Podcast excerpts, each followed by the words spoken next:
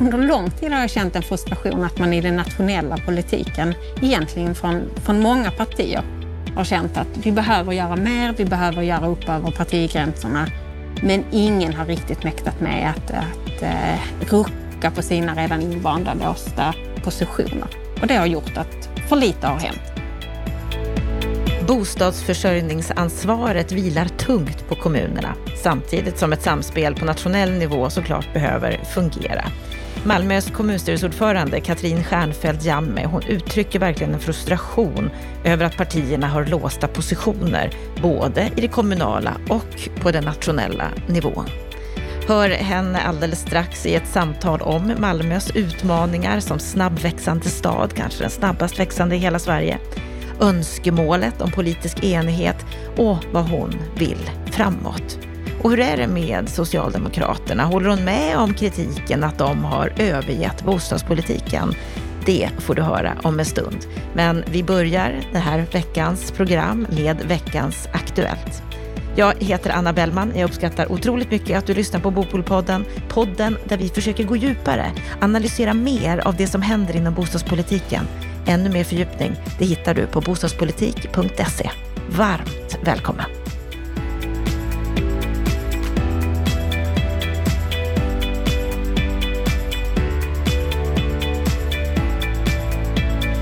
Under veckan som har gått så har det kommit en del saker på den bostadspolitiska arenan som vi ska ta upp här nu i veckans Aktuellt. Stefan Attefall, vi börjar med de nya SCB-siffrorna. Ja, det kom den 26 maj så kom ju Statistiska centralbyrån med nya siffror på påbörjade lägenheter och det visar på att det är ganska oförändrad byggtakt i Sverige första kvartalet 2020 jämfört med första kvartalet 2019. Det var alltså inga större nyheter. Det man möjligtvis kan se det är väl att det att eh, bostadsrättsbyggandet verkade liksom återhämta sig lite mer i första kvartalet än man kanske trodde. Och jag trodde också kanske att hyresrättsbyggandet, när det blev klart med de nya investeringsbidragen, skulle ta lite fart. Alltså det fanns lite uppdämt behov där. Det projekt vet jag ligger och väntar på att få besked. Eh, men eh, det såg vi inga större effekter av. Eh, eh, småhusbyggandet ligger kvar på, på låg nivå. Eh, men som sagt var det det, är det intressanta blir ju att se vad händer kvartal två och tre.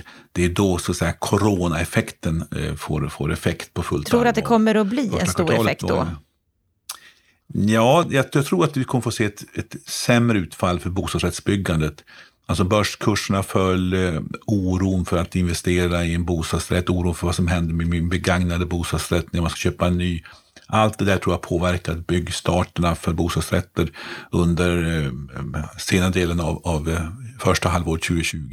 Jag tror jag kommer att sätta, sätta lite eh, press på byggandet. Hyresrättsbyggandet kanske är lite mer stabilt. Men totalt sett tror jag det blir sämre byggande 20 under, 2020 än vad man trodde i början på 2020 på grund av coronaeffekten. Och då kan det spela över även på 2021? Ja, sen beror det alltså alldeles på, börjar det ta fart igen? Alltså börskurserna har ju återhämtat sig. Kommer rekyl på det? Hur är tilltron och till, till att jag behåller jobbet, att jag får vettig lön? Allt det där avgörs, tror jag, vad som händer de närmaste månaderna. Men kommer vi tillbaka i gamla hjulspår under hösten 2020, då kan ju det här komma tillbaka, alltså konjunkturen komma tillbaka lite grann och tilltron öka. Men det kommer att ta sin tid innan man är tillbaka på det spår man var inne på början på 2020 tror jag. Och det här med att bygga och få fler bostäder är ju angeläget, aktuellt och där ser vi i en ny artikel i Svenska Dagbladet om ett önskemål om ett nytt miljonprogramsbyggande. Vad är mm. detta för något? Jo, det är alltså eh, den gamla bostadsministern eh, Lars-Erik Lövdén, socialdemokrat. Han har också varit landshövding och nu är han ordförande för MKB, Malmös kommunala bostadsbolag.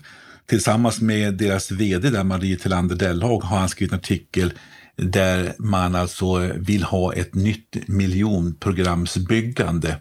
Eh, och eh, han talar här om 25-procentiga sänkta kostnader för, för bostäder och jag tror att eh, man, texten dömer så är det mycket hyresrätter man pratar om.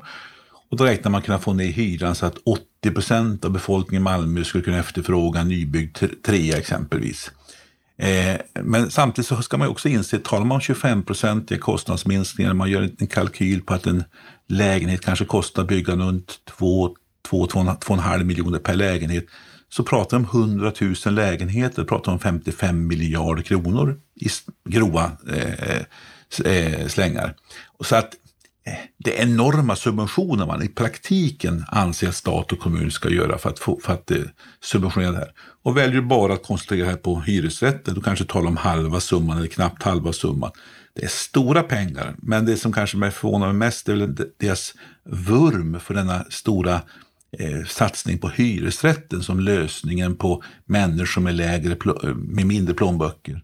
Därför att vi vet ju också att bo i ett eget ägt boende är i långa loppet oftast billigare. Så att eh, lite mer balans att försöka också stimulera fram mer eget ägande. För det är i långa loppet oftast en bättre boendeekonomi för människor med lite mindre eh, eh, plånböcker. Fast kanske Men, inte den eh, första lägenheten när man inte har kapitalet att ta sig in. Nej, och det är det som är problemet, Alltså, vi har så mycket kreditrestriktioner med bolånetak och med amorteringskrav och eh, kvar att leva på kalkyler och, och sådana saker. Så att de som har lite mindre kapital, de kommer aldrig in på den ägda marknaden och tvingas till bostads, hyresrätter, lite långa köer och så tvingas man in i ganska nyproducerade lägenheter och får betala ganska höga hyror när man skulle kunna bo billigare i en ägd lägenhet om man hade en politik som gjorde att vanliga människor kunde komma in i det ägda boendet. Så det, här, och det, det, det lyser ju helt med sin frånvaro, den typen av resonemang. Men eh, det, jag vill bara visa på att när man pratar om sådana här subventioner, låter så fint, men det är enorma kostnader för statskassan. Dessutom finns, det inte en risk också, finns inte en risk också att, att det blir nya miljonprogramsområden? Ja, precis. Det är att vi skapar nya områden med ensidig sammansättning, om man nu skulle då välja att satsa enbart med pengarna på, på, på hyresrätten så får vi de problem vi hade med miljonprogramsråden, de skapar vi på nytt igen. Alltså koncentration av en ensidig upplåtelseform, kanske många gånger då eh, att människor också bor där som inte kanske klarar ekonomin själva, marginaliserade grupper, får en hög koncentration av det i vissa områden och får också sociala problem. Alltså, det, det, det blir den onda cirkeln igen. Va? Dessutom mm. finns ju en stor risk att eh, byggarna tar ut mycket av de här pengarna och stoppar dem i egen ficka därför att eh, subventioner suger alltid åt sig eh, entreprenörer som försöker då skära emellan. Så att jag tror att det, det där är eh, tillbaka till en politik som inte fungerar särskilt bra förut och därför så eh, känner jag att det är Lars-Erik Lövdén, den gamle socialdemokraten, som, som har haft pennan i det här skrivandet. Mm. Om vi ska gå över till en annan, ett annat parti och deras bostadspolitik så handlar det om Sverigedemokraterna. De har skrivit en debattartikel i veckan. Ja, vi har ju faktiskt här i Bopolpodden klagat på att Sverigedemokraterna efter så lång tid i riksdagen inte har utvecklat politiken och särskilt då på bostadspolitikens område, att det varit oerhört tunt. Så plötsligt kommer en debattartikel i Aftonbladet här i veckan där de faktiskt har en ganska stringent analys av problemen, eh, beskriver det hela och lanserar ett antal konkreta förslag, i och för sig inte sensationella nyheter men ändå. Det är startlån till unga som är in på den ägda marknaden, det är avdragsgillt bosparande, hyrköpsbostäder, kompiskontrakt för större hyresrätter. Eh, man talar om eh, avskaffa senast inför amorteringskravet och slopa hisskrav för påbyggnadsvåningar. Alltså ganska, tjejer, inte nya krav, men ganska rimliga förslag ändå. Och man frågar sig ju är det här kanske början på någon ny bostadspolitik från Sverigedemokraternas sida? Att man börjar försöka jobba med politikutveckling seriöst. Och det som är också intressant med den här artikeln är att här finns inga slängar mot invandrare och skylla på eh, invandring och liknande saker. Alltså det, är en ganska hederlig debattartikel som kan skrivas av de flesta partier och eh, det är lite intressant att notera. Men kanske det är början på att de försöker utveckla en eh, seriösare bostadspolitik och det är ju välkommet. Är det början på att de utvecklar en större politik som är mer seriös, som du säger, att, ja, överlag? Vad tror jag, du? Jag, jag, tror att det finns en, en vilja hos eh, ledningen i Sverigedemokraterna att bli lite rumsrena, om man får använda uttrycket. Va? Och då försöker man mönstra ut det som har stuckit ut och det som har eh, gjort att de har fått den här främlingsfientliga stämpeln på sig. Eh, Nackdelen med det, eller baksidan med det, det är ju att de här som har röstat på dem därför att de har haft en sån politik, de blir ju besvikna. Så att det är, det är, en, det är en balansgång. Men det är intressant att notera att eh, det kommer faktiskt eh, ett embryo till någon slags formulerad slags bostadspolitik, vilket ju ur det parlamentariska läget i riksdagen kan öppna upp för nya spännande ska vi säga, konstellationer eh, när man då på olika sätt kanske kör över regeringen eller uppmanar regeringen att göra olika saker som man sett på en del andra politikområden. Så att, eh, det, det, det, det öppnar upp för en del spännande perspektiv. Spännande att se vad det också kommer att leda till på längre sikt. Stort tack för veckans Aktuellt, Stefan Attefall.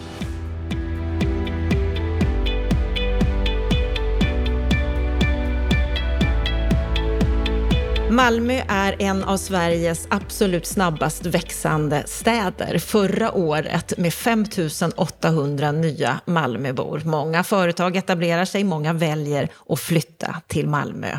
Och de senaste åren så har ju bostadsbyggandet varit rekordhögt. Det byggs på olika håll i stan, men ändå råder det bostadsbrist. För att bland annat prata om det så har vi i dagens Bopolpodden bjudit in Malmös kommunstyrelseordförande som också är gruppledare för Socialdemokraterna i Malmö. Varmt välkommen Katrin Stjernfeldt Jamme. Tack. Vad är din sinnesstämning just nu? Ehm, ja, precis just nu så har jag sprungit in i det här samtalet. Men överlag så, så tänker jag att det händer väldigt mycket nu som gör att eh, det uppdrag jag har är väldigt spännande och stimulerande. Så att, eh, det påverkar väl min sinnesstämning, tänker jag. Och jag är väldigt glad för att du är med nu via länk. Vi har ju försökt att få till det här samtalet länge, sen Bopolpoddens start för över ett år sedan. Men nu mm. äntligen så kan vi ta det på länk och då mm. funkar det alldeles utmärkt. Kul, mm. tycker jag. Ja, väldigt, väldigt trevligt. Du, Katrin, om vi bara ska börja med en översiktsbild. Vad är Malmös nuläge just nu, ur ett brett perspektiv? Alltså, om, man, om man tittar på Malmös utveckling, så precis som du inledde med att säga, så händer det ju mycket. Det är många företag som väljer att flytta hit, som har etablerat sig här, som den senaste tiden har vuxit. Det är många som vill flytta till Malmö. Ehm, det växer, eller det byggs äntligen i, i hela staden. Jag skulle säga att det känns, det är påtagligt så att det känns att det finns en, en kraft i staden eh, för fortsatt utveckling.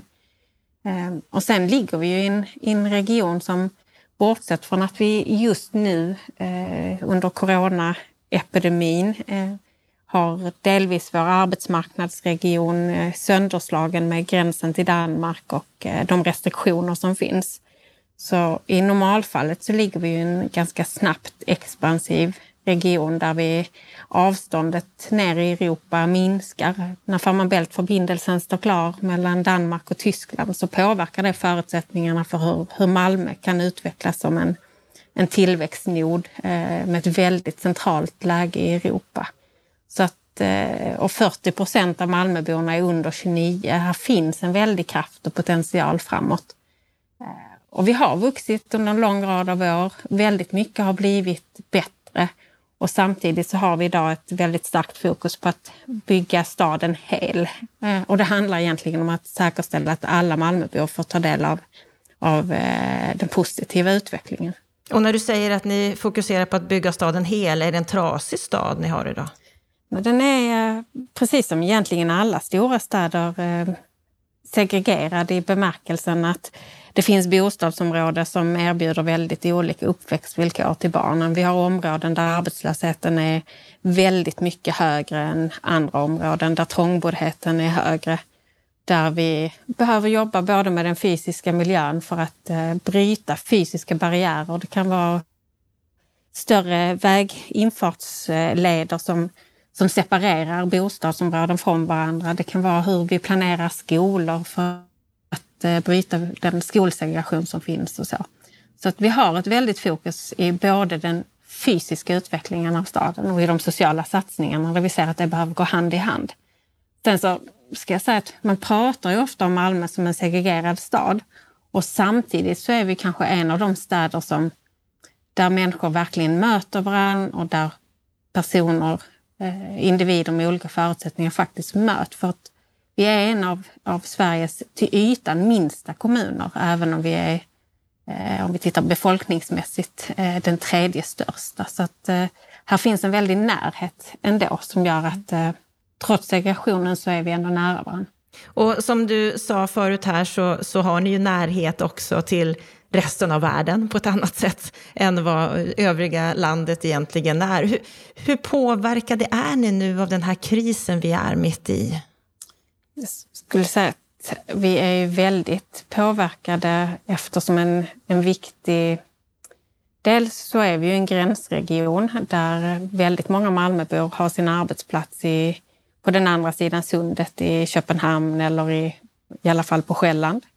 Eh, och förutsättningarna ändrades ju ganska dramatiskt när Danmark eh, snabbt stängde ner och eh, stängde gränsen. Vi såg att en av de snabbast växande branscherna här de senaste åren har varit besöksnäringen, handeln också. Och det är kanske de branscher som allra tidigast under den här pandemin fick väsentligt sämre förutsättningar. Så att vi har ju vi har ju ett tufft läge med, kopplat till, till pandemin och eh, att eh, hela marknader totalt har kollapsat och att folk får svårare att klara sin försörjning och så vidare. Så det är ett tufft läge. Tufft läge att leda? Ja, eh, men jag tänker att så ser det ut runt om i landet. Det ser lite olika ut, men, men visst, vi kommer behöva tänka nytt och vi kommer behöva göra annorlunda än vi har gjort innan. Samtidigt skulle jag säga att Malmö är en stad som har tvingats hantera kriser förr och har kommit starkt ur, ur kriserna. För här finns, en, här finns en väldig vilja till samarbete mellan näringslivet, civilsamhället, staden eh, som ger en kraft som eh, om jag sticker ut hakan så, så tänker jag att den kanske är lite unik. Men vi har tvingats eh, att tänka om och göra nytt tidigare. Vi har, vi har sett kriser förr. Mm, och ni har klarat dem? Ja, jag tänker att ur varje kris har det kommit någonting som har drivit på utvecklingen. Eh, sen just nu är det tufft. Det är många varsel eh, och eh, en del av, av de som har blivit arbetslösa eller varslade fångas ju inte upp i den svenska statistiken eftersom de just har sina, sina arbetsplatser på den, på den danska sidan. Och då riskerar det att inte riktigt synliggöras när man kanske fattar nationella politiska beslut i Sverige och så. så att, det är ett tufft läge, men jag är övertygad om att vi ska komma stärkt ur detta på något sätt. Mm, du låter väldigt optimistisk, måste jag säga. Ja, men det finns liksom inget eh, riktigt eh, alternativ. Och eftersom många faktiskt tycker att Malmö är en attraktiv stad, viljan att investera här har gått upp, eh, viljan att flytta hit, Eh, utbudet som finns här, företagen som växer. I grunden har vi ju en, och då kopplat till den utveckling vi ser i vår omgivning där vi om ett par år faktiskt kommer ha mindre än tre timmar med, med tåg till Hamburg. Här finns ju liksom förutsättningar som vi behöver ta fasta på. Så att eh, i grunden är jag optimistisk. Mm. Det låter, det låter bra och betryggande, för det behöver det nog vara. Det är som du säger, det är många utmaningar också. Vi ska prata om några av dem nu, och bland annat då detta med bostadsutmaningen. Mm. Där jag är lite nyfiken på det här initiativet, det här uppropet för att bostäder ska ses som en mänsklig rättighet, The Shift. Där har ni skrivit under det här uppropet. Kan, kan du berätta, vad är The Shift för något? Mm. Uh, The Shift är ett nätverk av städer eh, som har gått samman med en eh, väldigt bestämd uppfattning att eh, driva utvecklingen och driva på för att bostaden ska ses som en mänsklig rättighet. Eh, när jag tillträdde som ny ordförande i kommunstyrelsen, Malmö har under många år varit aktiv i globala nätverk av städer när vi har jobbat med eh, Eh, håll, hållbar utveckling av nya stadsområden kopplat till miljöteknik och klimatinvesteringar och så. Eh, och vi har, vi har lärt oss och, och har erfarenhet av att byta kunskaper och lärdomar med, med andra städer på andra håll om, runt om i världen för att driva på och göra mer. Eh, och inledningsvis så vi pratade väldigt mycket utveckling av hållbara klimatsmarta stadsdelar. Men ganska snabbt så kände jag att oavsett om man träffar borgmästare från ja, stora eller mindre städer på andra håll eh, runt om i världen så började vi i större utsträckning prata om den sociala hållbarheten där vi på olika sätt såg att större och större grupper eh, stängs ute från städerna, och har svårt att efterfråga det som byggs eller eh, ja, men på olika sätt trängs längre och längre ut. Eh, och jag upplever att idag finns ett helt annat tryck bland städernas ledare att, att driva frågan om rätten till bostad. Kommer det här att hjälpa er i Malmö? Jag är övertygad om att det här att, att man hjälps åt och byter erfarenheter och kanske undviker misstag som andra städer har gjort eller att man etablerar eh, kontakter så att man hjälps åt är, är bra. Att det finns ett väldigt driv i städer på den lokala nivån för man, man tvingas som lokal företrädare hantera frågor som man egentligen inte har makt att styra över. Och med gemensam kraft så tror jag att vi kan få upp frågan på den nationella dagordningen både i Sverige och på andra håll. Eh, det vi ser är ju mycket globalt kapital. Vi ser, eh, vi ser eh, även om det är i olika utsträckning så brottas vi med, med en problematik att det gamla bostadsbeståndet rustas upp och blir dyrare att efterfråga.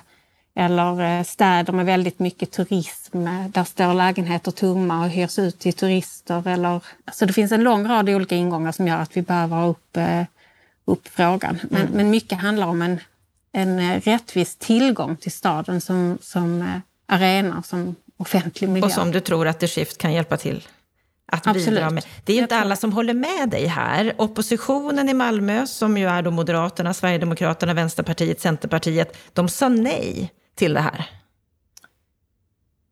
Uh, Var det något som förvånade dig? Nu blev jag osäker på om man faktiskt sa nej från alla partierna till till eh, att gå med. Det tror jag inte att man gjorde. Det man har sagt nej till att eh, inrätta ett bostadspolitiskt råd eh, där vi har egentligen byggt, vi har velat bygga upp en plattform med, med rådgivare från akademin och bostadsbolag, fast, både byggbolag och fastighetsbolag och Hyresgästföreningen och så. För att vi vill hitta vägar ur de politiska låsningar som finns. Men ingången i The Shift nu blir jag faktiskt osäker på om det stämmer det du säger. Men, mm. Jag kan ha tolkat artikeln fel också såklart, men de var ju inte helt glada i att gå hela vägen som du ville. Men jag, jag tycker att det är viktigt att, att, samarbeta. Det är både med städer på andra håll i Sverige men också internationellt. För vi brottas många gånger med samma, samma problem. Och ska vi bygga hållbara städer så behöver vi titta både på hur vi jobbar med klimatfrågorna och den sociala hållbarheten. Och det är ett faktum att större och större grupper ställs utanför det som, som byggs och i stora grupper. Det handlar både om unga som inte kan flytta hemifrån. Det handlar om par som av någon anledning behöver separera eller skilja sig där, där man inte kan, kan bo kvar i området där barnen går i skola för att man inte klarar boendelösningar. Eh, så att jag ser att eh, vi behöver, vi behöver hjälpas åt för förtryck i bostadspolitiska frågorna och för att lära av andra vad man har gjort bra för att komma vidare. Det finns gott om, om bra exempel internationellt. Några artiklar som jag har läst om det här, jag har inte läst allt såklart, men där, där verkar det finnas en, en vad ska man säga, ni är inte helt överens med Vänsterpartiet bland annat. De ifrågasätter hur ni hanterar frågan om bostaden som just en mänsklig rättighet. De tycker mer att, att den ses som en handelsvara från ert perspektiv. Jag kan väl säga att det som skiljer oss lite här, vi vill använda tillgången av mark och alla de verktyg vi har. Vi har, vi har byggt upp allmännyttan och stärkt allmännyttan. Eh, när jag tillträdde 2013 så byggde MKB, vårt kommunala bostadsbolag, 28 lägenheter tror jag. Och nu är man uppe, förra året färdigställdes 700, ja, drygt 750 lägenheter och man ligger på höga nivåer. Eh, och samtidigt så ser vi att bostadsbolaget då kan både bygga i områden där det redan finns en, en hög eh, byggtakt men också kan gå in och sätta igång processer i områden där andra inte har investerat. Det Vänsterpartiet hos oss motsätter sig det är att vi ibland eh, säljer mark för att få fart på bostadsbyggandet. Man motsatte sig att vi lät MKB gå samman med tre andra bolag för att få fart på bostadsbyggandet i i Rosengård där vi har ett unikt stadsutvecklingsprojekt på väg fram med ett nytt landmärke och många nya bostäder i ett område där det inte har byggts sedan miljonprogrammet byggdes. Och jag är helt säker på att nyproduktion, nya byggen där gör att människor som vill flytta till någonting nytt och någonting större får ett annat utbud och, och stannar i området istället för att lämna det när man har fått bättre ekonomiska förutsättningar. Så I grunden har vi jag kommer aldrig acceptera en bild av att områden där fler har det socialt tufft eh, ska få bo kvar i områden där inga investeringar görs för att, eh, för eh, att man är rädd för utvecklingen där. Så där har har vi Socialdemokrater och Vänsterpartiet lite olika syn. Och hur svårt vill... är det att driva det här när ni inte får den här politiska totala samsynen? Alltså politisk total samsyn tror jag inte vi kommer att få för att vi har en del grundläggande skillnader i synen på, på, på utvecklingen. För mig är det absolut inget drömscenario att vårt kommunala bostadsbolag ska vara den enda aktören som bygger hyresrätter. De har en ganska stor andel, eh, men MKB, allmännyttan, är ett viktigt verktyg för att också få andra att vilja investera och bygga mer. Jag tror på blandningen. Jag tror att det är viktigt att, att bygga blandad stad och då se att det behöver byggas blandat med olika upplåtelseformer och gärna olika aktörer som går in långsiktigt och med och utvecklar hela stadsområden. Så att bygga upp samarbeten med privata aktörer ser jag som någonting positivt och eftersträvansvärt. Och där, vi skiljer oss lite där, men eh, oftast så är, är det ändå så att vi kan ju lägga fram förslag och få igenom förslag så att eh, eh vi kommer någonstans ändå. Mm. Eh, jag har fått känslan av att ni ändå, även om du säger nu att, att ni vill bygga blandat och så vidare, att ni ändå har hållit hyresrätten just väldigt högt.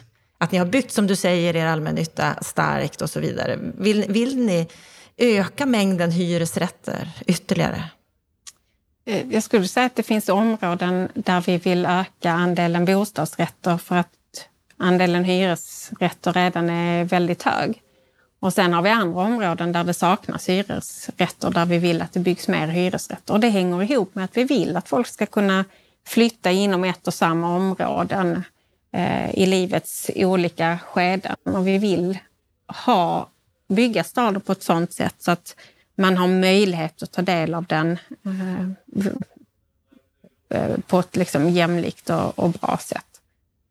Så den här känslan att, att ni har varit mer måna om att öka mängden hyresrätter i kanske redan segregerade områden stämmer inte riktigt menar du? Nej, jag skulle säga att under många år har vi fått kritik för att det har byggts mest i den västra delen av, av staden, som till exempel utvecklingen av Västra hamnen. Eh, där det ju faktiskt är ganska blandat med både bostadsrätter och, och hyresrätter. Men Eh, Eh, och sen idag byggs det väldigt mycket ute i Hylje och området ut mot, mot eh, brofästet så att säga. Eh, men det jag är glad för det är att det också byggs överhuvudtaget i miljonprogramsområdena där det inte har byggts ja, egentligen sedan miljonprogrammen byggdes.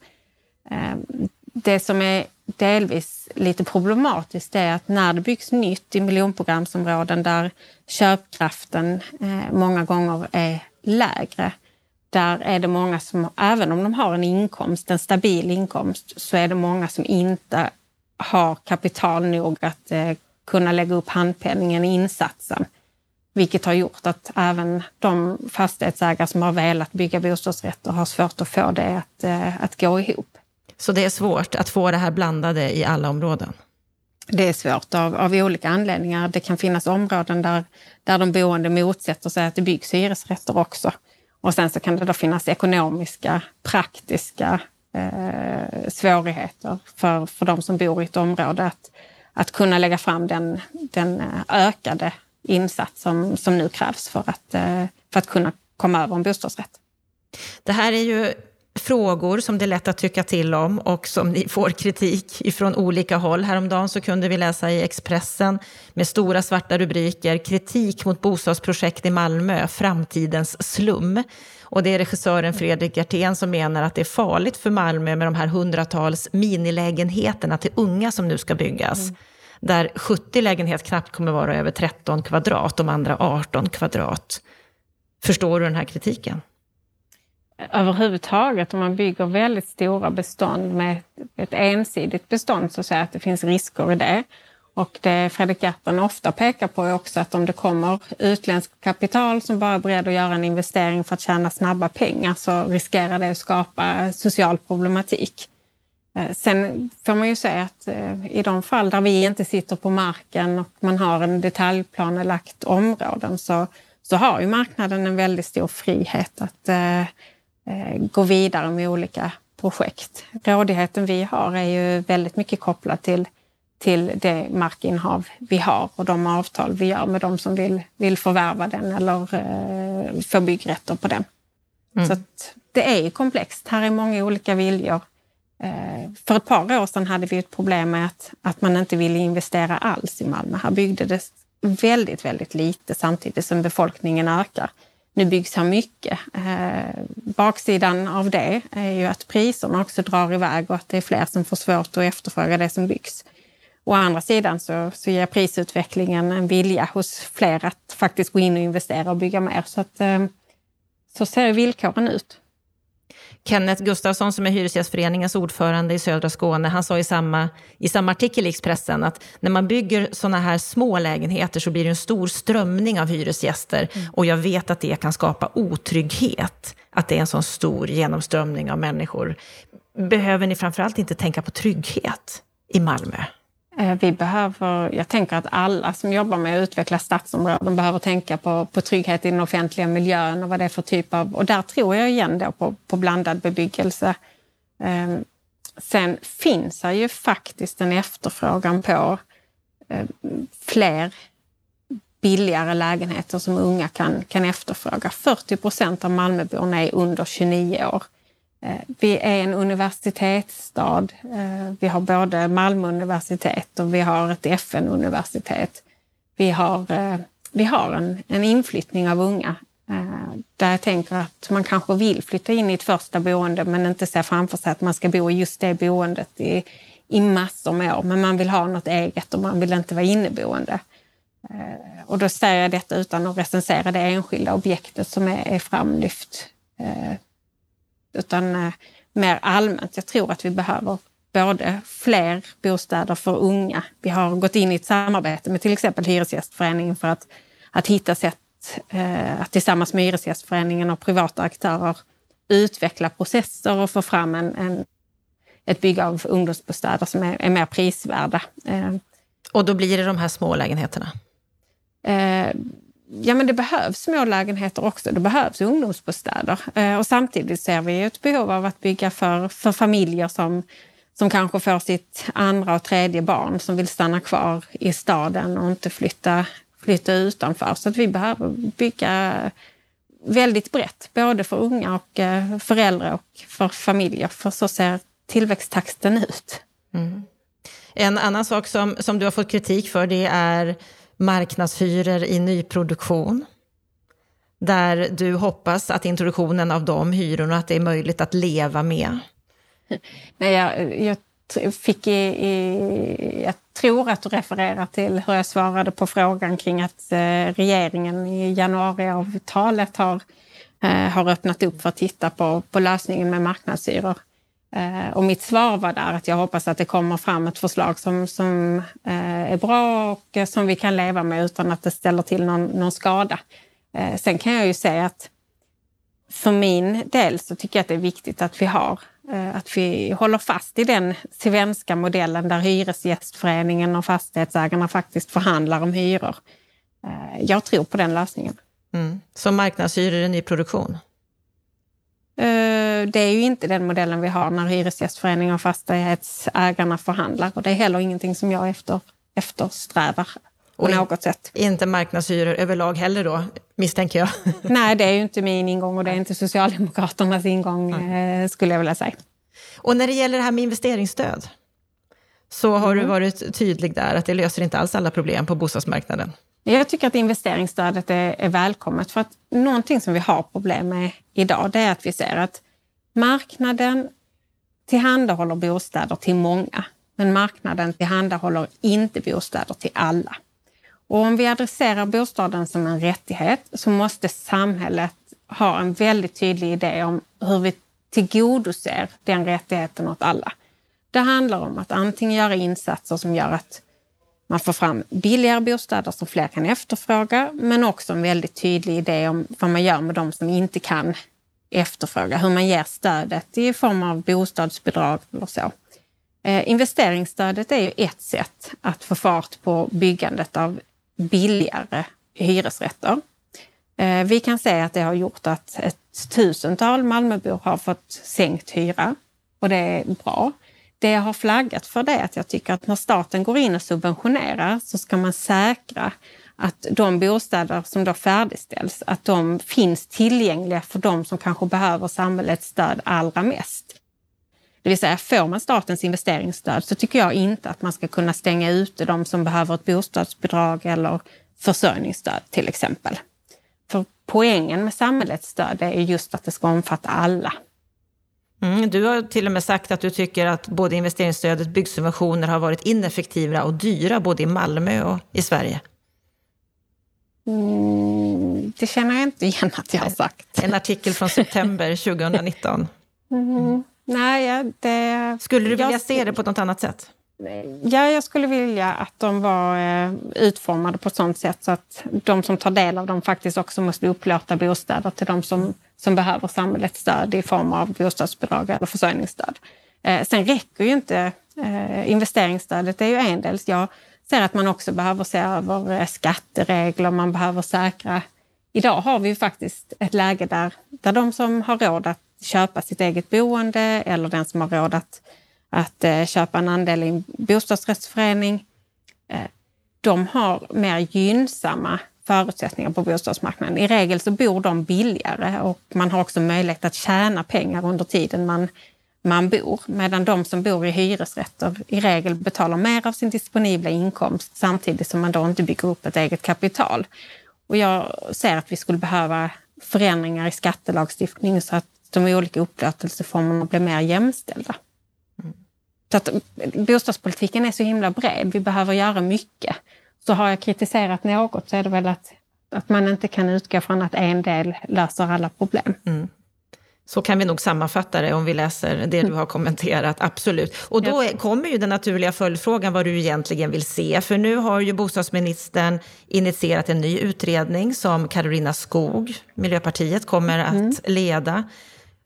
Kommer, kommer den, tror du, att ge svar på, på de frågor vi har på att lösa, så att vi får en hel nationell bostadspolitik?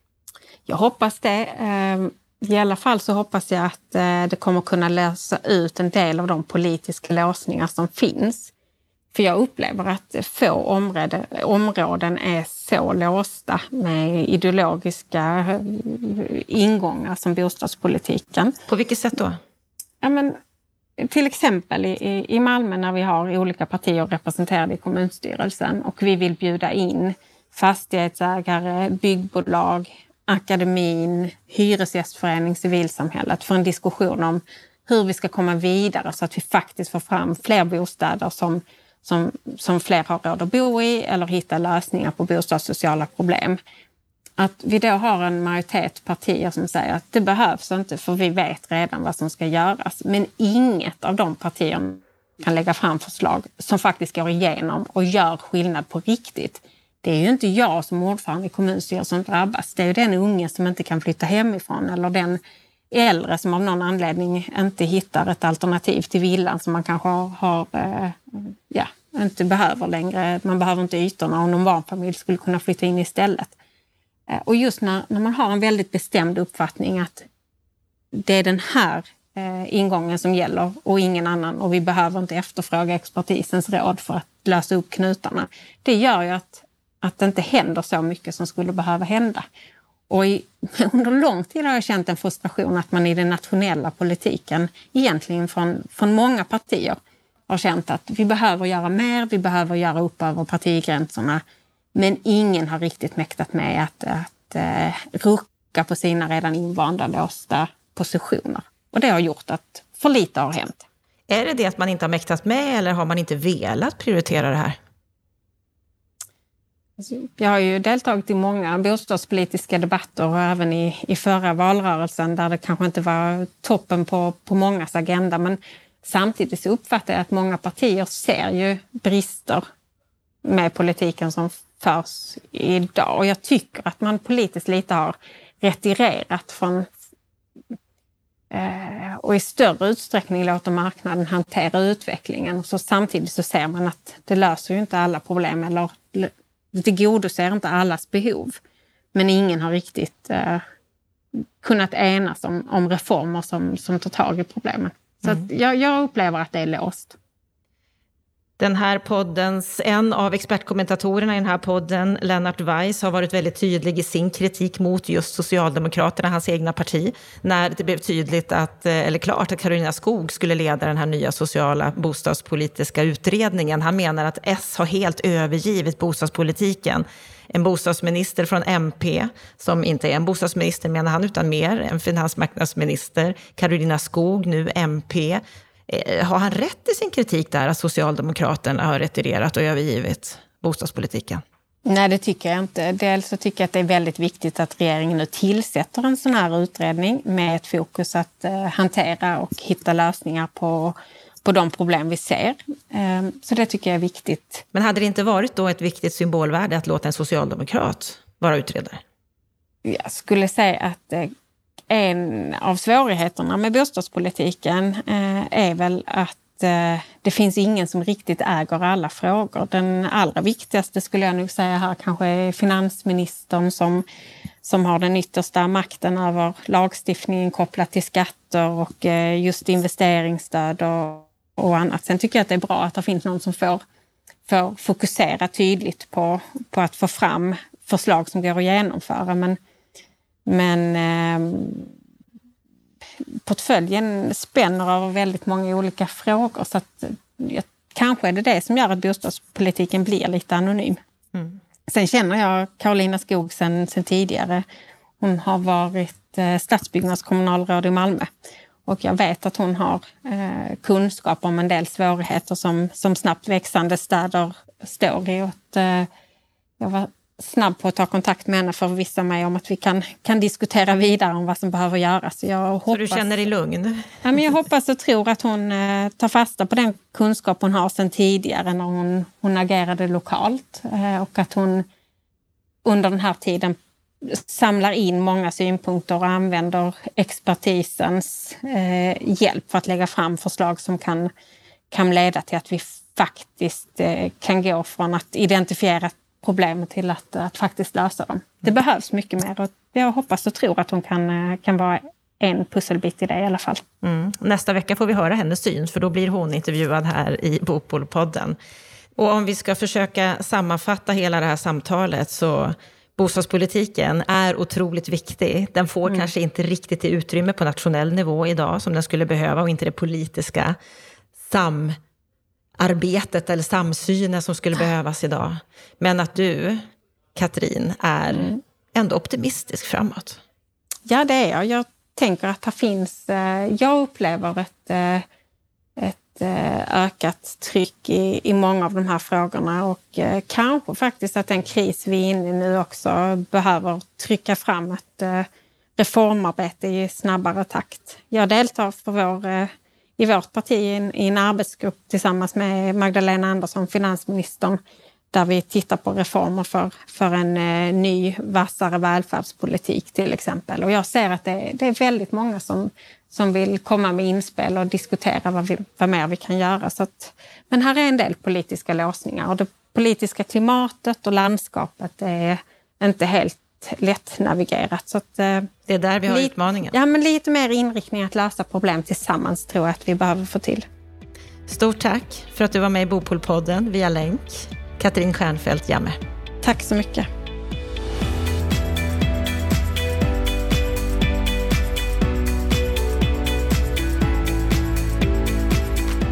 Då har vi hört samtalet med Katrin Stjernfeldt Jamme. Vad säger du om det här samtalet, Stefan Attefall?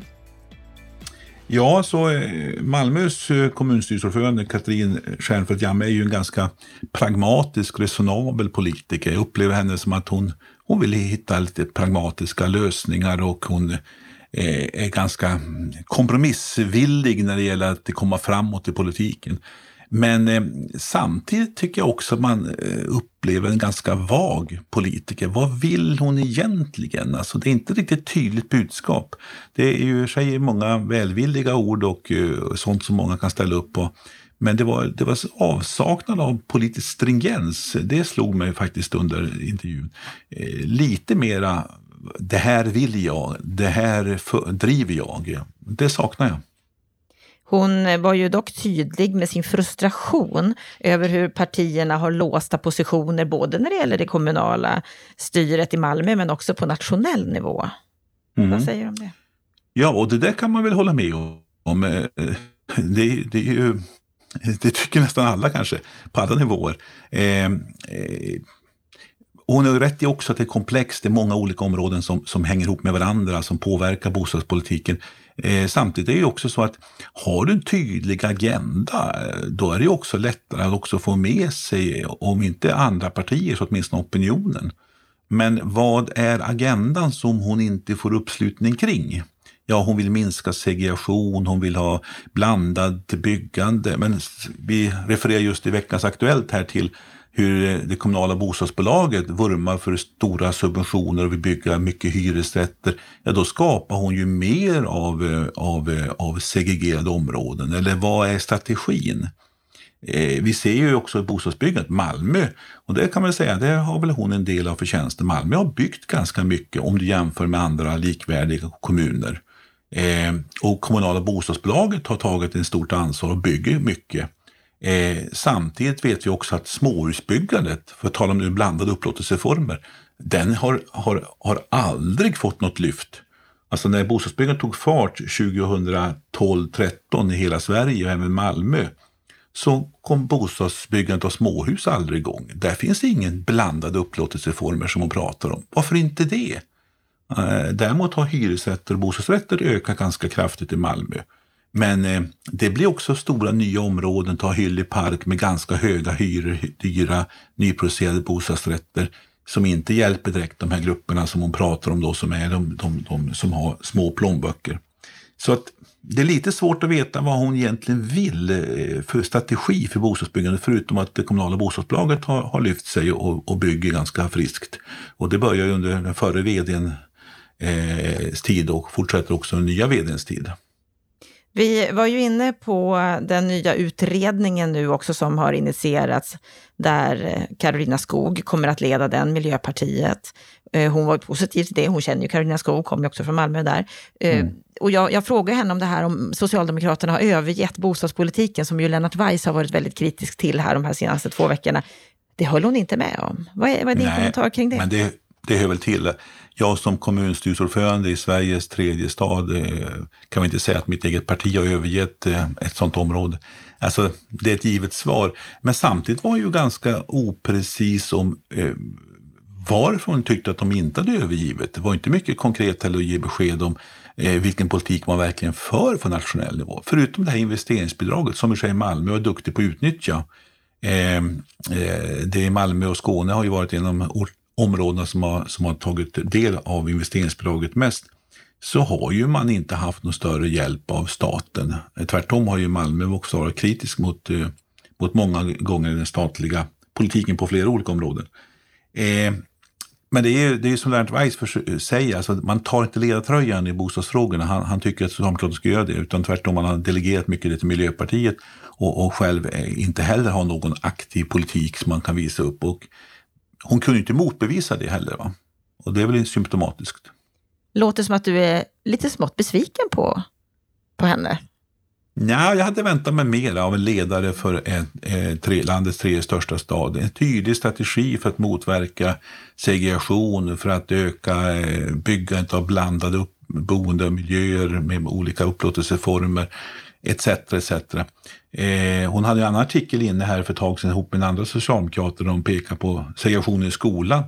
Men vi vet ju att den största faktorn bakom segregation i skolan är boendesegregationen. Det är där du har kärnan. Därför att man vill ju att sina barn ska gå i närmaste skola. Och vi har närhetsprincip och liknande saker. Alltså, om du inte löser boendesegregationen kommer du aldrig lösa skolsegregationen. Och där hade hon inte heller någon tydlig agenda för hur hon skulle bemöta detta. Jag, jag, jag, besvikelsen ligger i att jag saknar en tydlig agenda, en tydlig driv, tydlig inriktning. Och det är möjligt att hon inte var i, i att inte hon var i toppform i, i det här samtalet, men, men eh, det saknar jag och det förväntar jag mig av en sån ledande politiker. Mm. Det får bli avslutningsorden från dig, Stefan. Stort tack för, för den här veckan. Och med det så avslutar vi Bopolpodden nästa vecka. Då får vi besök av Carolina Skog som ska berätta mer om den utredning som hon är ansvarig för när det gäller en ny social bostadspolitik. Vi tackar för oss. Vill du komma i kontakt med oss, då gör du det på info.bostadspolitik.se. bostadspolitik.se. Med det så önskar jag dig en trevlig helg och en riktigt bra vecka.